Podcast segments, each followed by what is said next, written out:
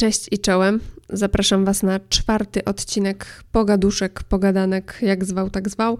W każdym razie lokalne podtopienia numer 4. Jedziemy.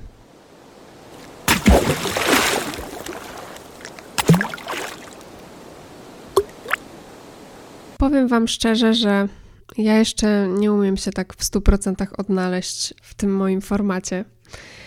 Co jest dziwne, bo zaczynając nagrywać, y, wydawało mi się, że na etapie czwartego odcinka to ja już tak okrzepnę, już to wszystko będzie takie ugruntowane i że droga będzie prosta, co pokazuje mm, bardzo dobrze mnie w tym moim naiwnym i bardzo optymistycznym myśleniu o przyszłości. No a jednak się okazało, że nie jest tak prosto wyłączyć silnik i sobie dryfować na falach myśli i podcastu, jednocześnie widząc cel, widząc tę wyspę, na którą chcę dopłynąć. No i jeszcze z nadzieją, że nikt z nas nie ma choroby lokomocyjnej, choroby morskiej i się nie pożyga e, z nadmiaru wrażeń.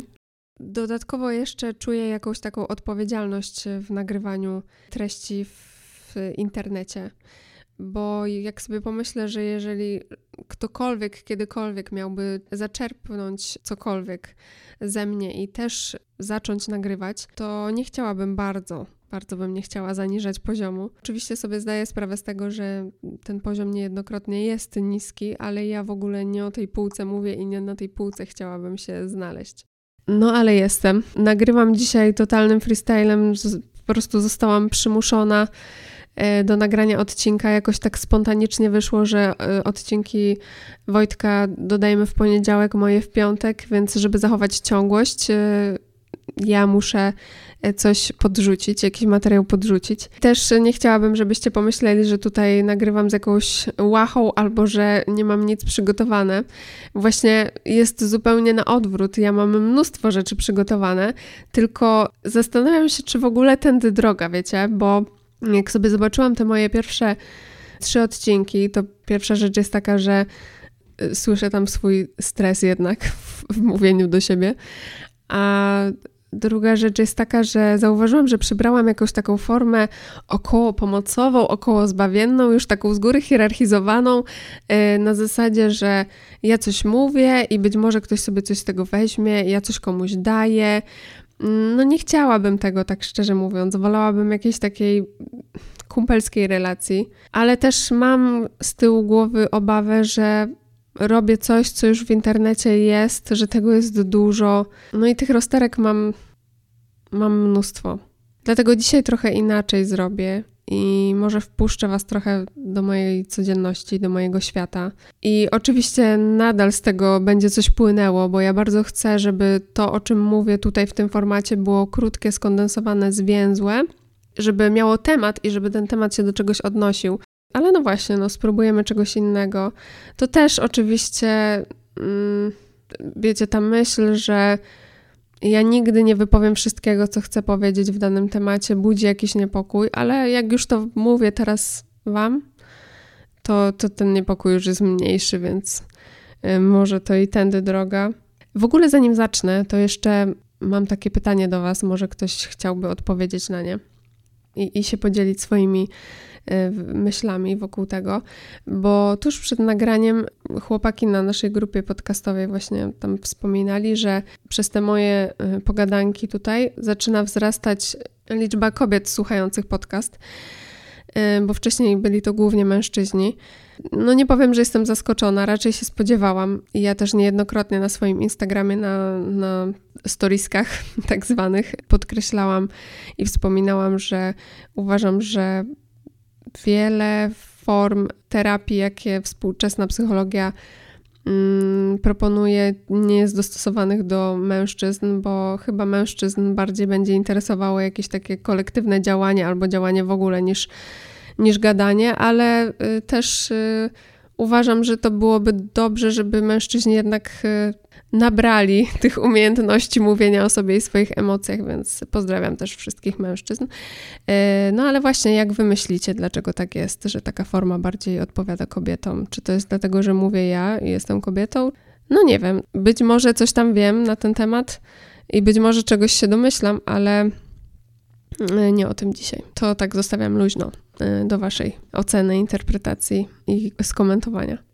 Zatem wracam do tego punktu, w którym mówiłam, że wpuszczę Was w jakąś moją małą y, codzienność, w jakiś mały urywek mojej codzienności, moją małą rutynę wręcz, bo Muszę powiedzieć, że ja z wiekiem coraz bardziej doceniam wartość rutyny. Jak sobie przypomnę te wszystkie momenty, kiedy mi ona została odebrana z różnych powodów, to momentalnie w ułamku sekundy traciłam poczucie bezpieczeństwa, a jest to coś, co bardzo doceniam. Poczucie bezpieczeństwa jest, jest, jest jednak no ważne. Myślę, że każdy, większość z nas się zgodzi. Oczywiście każdy z nas będzie go szukał w innym punkcie, w innych sytuacjach, niemniej jednak sprowadzimy się do tego samego.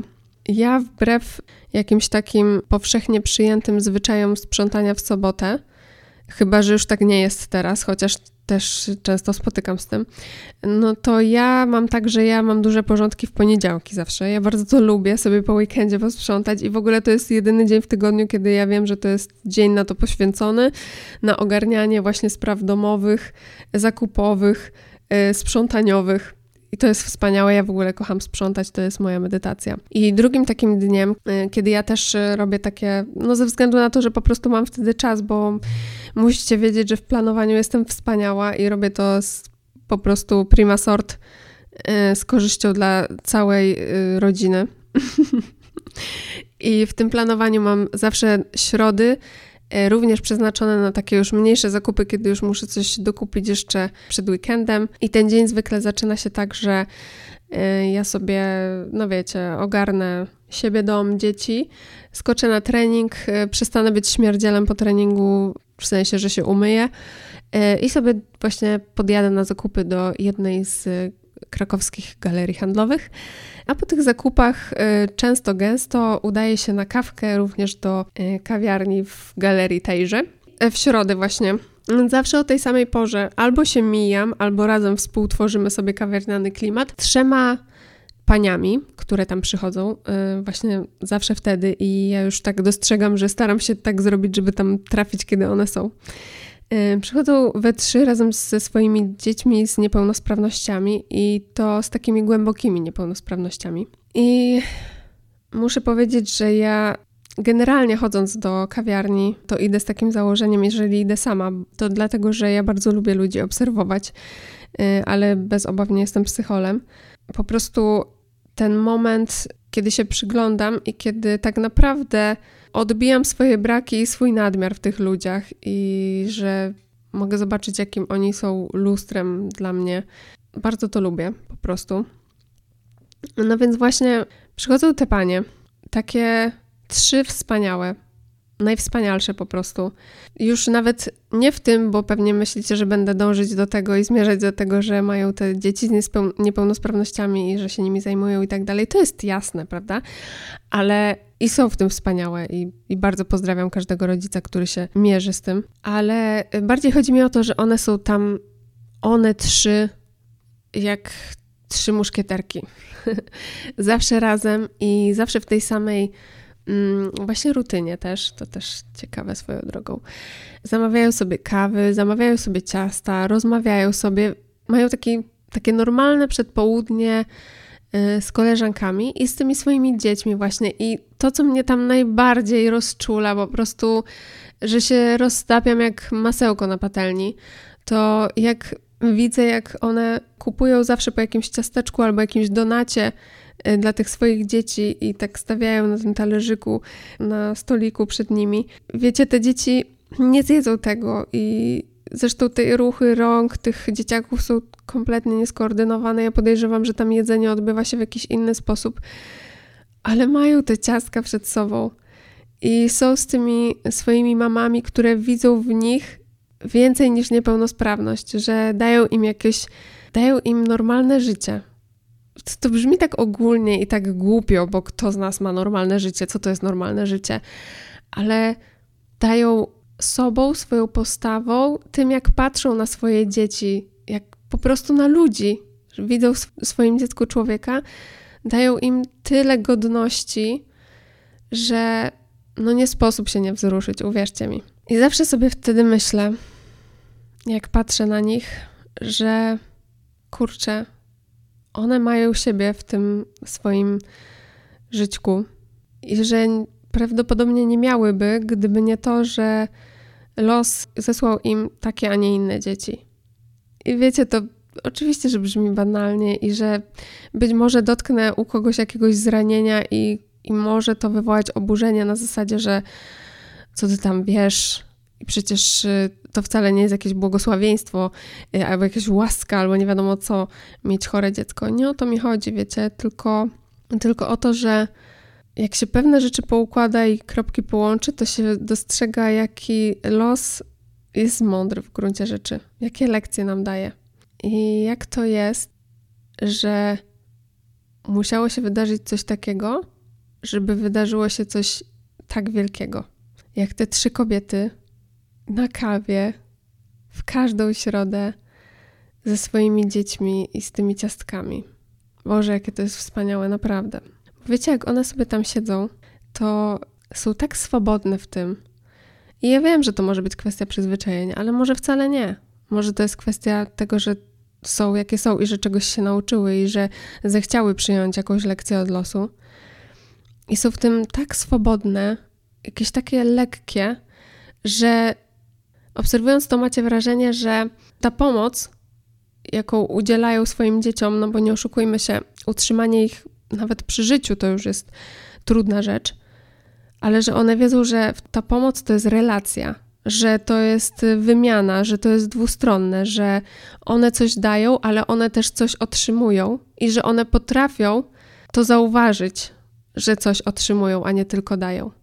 Mnie się wydaje, że to jest w ogóle ogromny klucz do tego, żeby umieć nauczyć się pomagać. Zauważyć, że jak pomagasz i jak być może z zewnątrz wydaje się, że ty coś komuś dajesz i kompletnie nic nie otrzymujesz, ale jeżeli dostrzeżesz to, że jednak coś otrzymujesz, to po pierwsze nikt nie traci godności, po drugie nikt nie czuje się gorzej i co najważniejsze, nikt nie czuje się lepiej.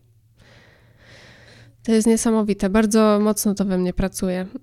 Kwestia pomocy i tego, jak pomagać mądrze. Może na ten temat też macie coś do powiedzenia. Wydaje mi się, że w następnym odcinku ten temat właśnie rozwinę, to znaczy temat pomagania. Mm, co myślę o mądrej pomocy, jak uważam, że należałoby pomagać. Chyba w którymś odcinku podcastu, y, tego, który nagrywam z Wojtkiem, już się na ten temat trochę wypowiadałam, to znaczy gdzieś tam ten temat liznęliśmy. Ciekawe, dlaczego mówi się, że się temat liznęło. No ale nieważne, że tak niby pobieżnie, okej. Okay. No właśnie tak pobieżnie omówiliśmy, bo ja tam mówiłam w kwestii y, Ukrainy. No ale myślę, że jest to gdzieś tam rozkmina warta mm, pochylenia się nad nią. I jeżeli macie coś na zaś, co chcielibyście, żebym ja powiedziała w odcinku piątym, ewentualnie może chcecie coś dodać od siebie, no to bardzo zapraszam. Y, a tymczasem, żeby nie przedłużać i żeby to był nadal kawkowy odcinek, kawkowy w sensie, że do kawki, do kawy w tej kawiarni, wiecie. To, to będę kończyć. Także wszystkiego dobrego, trzymajcie się ciepło. Wszystko przed nami. Hej.